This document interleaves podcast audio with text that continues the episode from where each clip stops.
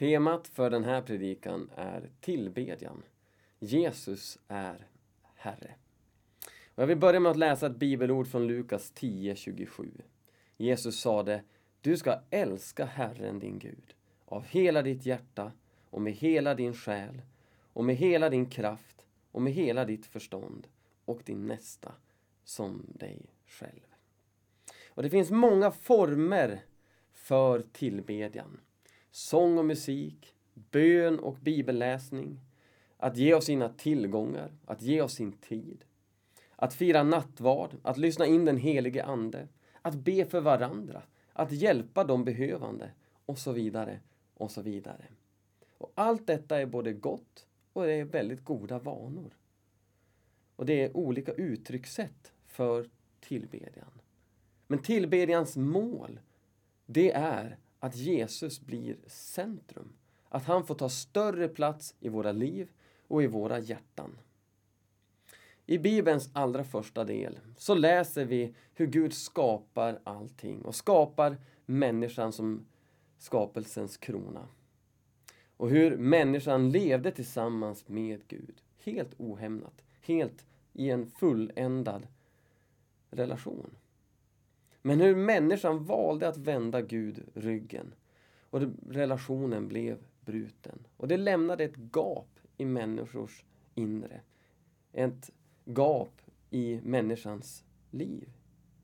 Ett hål skulle man kunna säga.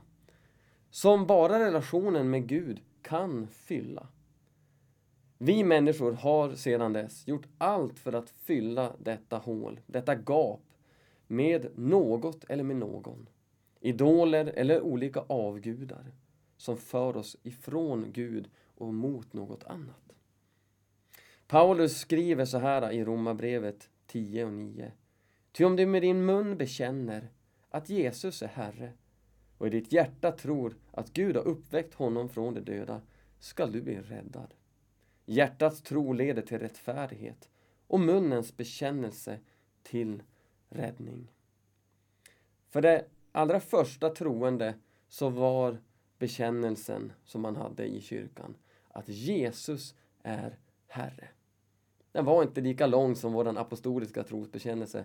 Den växte liksom till. Men det var extremt radikalt att säga det, att Jesus är Herre. För det var att man hade en bekännelse att jag hör till någon annan än mig själv. Jag hör till och med till något annat än vad ni andra gör i omvärlden. De som sa att Caesar är Herre. Alltså man har en annan lojalitet och en annan världsbild än den som råder. Och man bekände Jesus över hela sitt liv. Jesus var Herre över allt, i alla dess delar.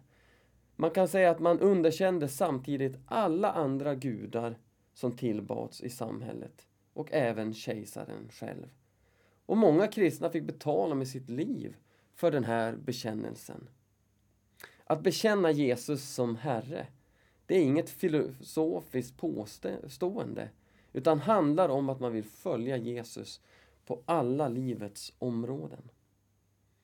Och för den första kristna, för de första kristna och för den första kyrkan så fanns det ingen tolerans alls för någon slags typ av avgudadyrkan. I vår tid så är det kanske inte någon kejsare som är herre, utan vad är det faktiskt vi hör idag? Vad är det vi i vår tid säger ska vara vår Herre? Och jag tycker överallt så hör vi hur det handlar om att du är Herre. Alltså, jag ska vara Herre över mitt eget liv. Ingen ska få komma och styra över mig. Autonomi, självstyre är ordet som klingar i dagens sociala medier och överallt i vårt samhälle. Du är Herre. Du är den som bestämmer vad som är rätt och fel.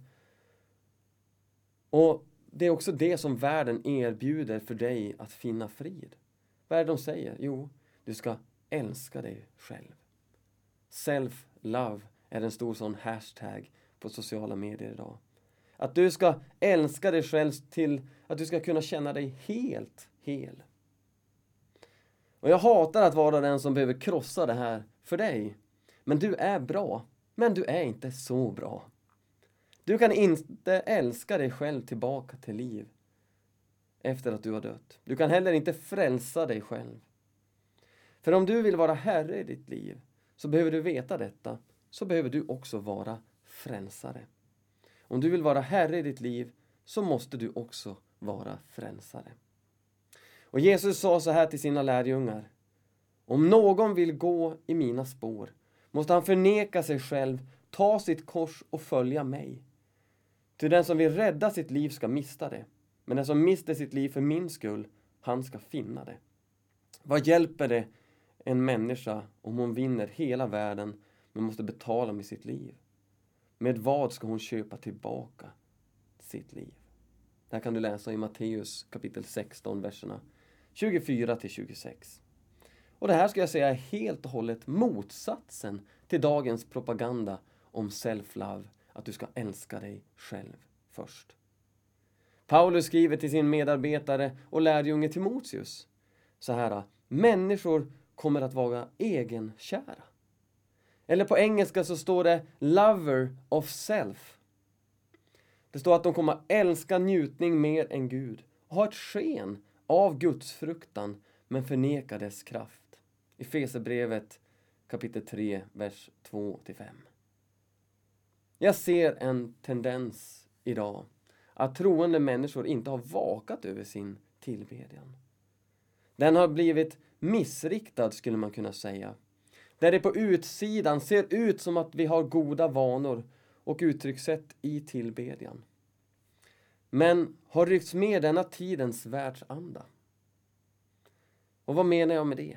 Jo, att dessa andliga övningar som istället har sitt mål och fokus på att spendera tid med Gud och bli mer lik honom har blivit missriktade, kanske omedvetet och kanske till och med ibland medvetet, till att bli mot personligt välmående.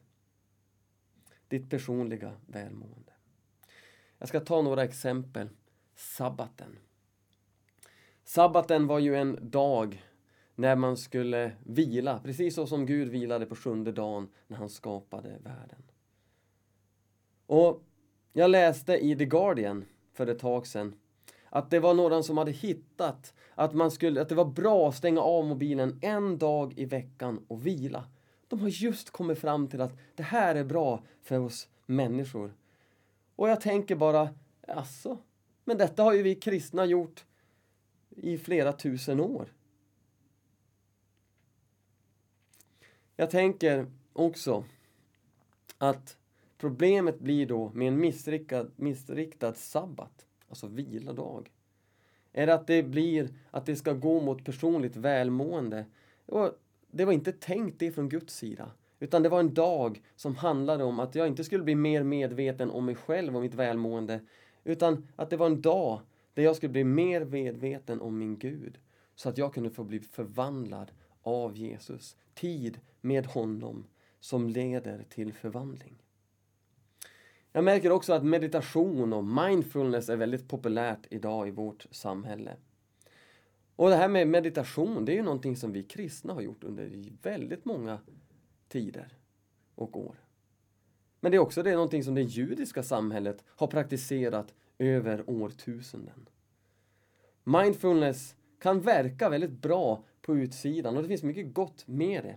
Men problemet blir att idag har det blivit en missriktad Ehm, det har blivit missriktat.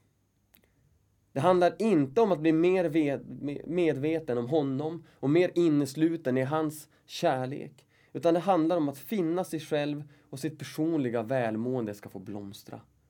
Kristna har praktiserat meditation väldigt länge och målet har alltid varit och bör alltid vara att bli mer medveten om Gud, om Jesus och att lyssna till hans heliga Ande. Och det är så att vi är skapade till att tillbe. Även om människor inte tror på Jesus och tillber honom så tillber de i alla fall något. Vi har de andra religionerna i vår värld som visar på det här på ett sätt. Men vi har också de som säger sig inte ha någon tro, eller som inte tror på något eller någon.